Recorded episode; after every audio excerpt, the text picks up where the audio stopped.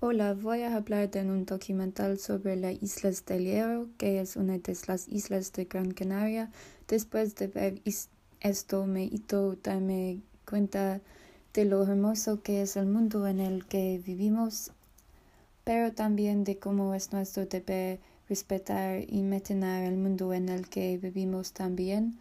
En mi enseño hablo de la conversación y esto es muy importante la preservación de la cultura del paisaje, incluso de ciertas especies, se mantienen en esta isla porque tanto los turistas que la visitan como la gente que vive en ella respetan y valoran su entorno.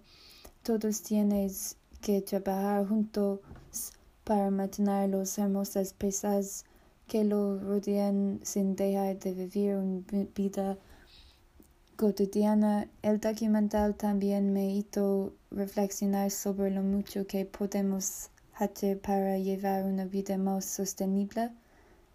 Eh, vale, eso es todo. Gracias por escuchar. Ah.